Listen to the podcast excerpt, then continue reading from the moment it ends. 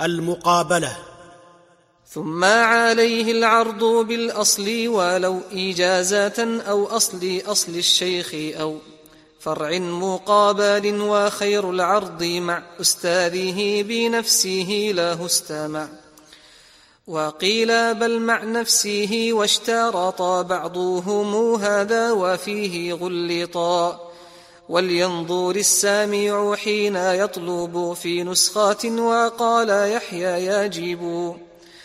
وجواز الأستاذ أن يروي من غير مقابل وللخطيب إن بيانا والنسخ من أصل وليوزد صحات نقل ناسخ فالشيخ قد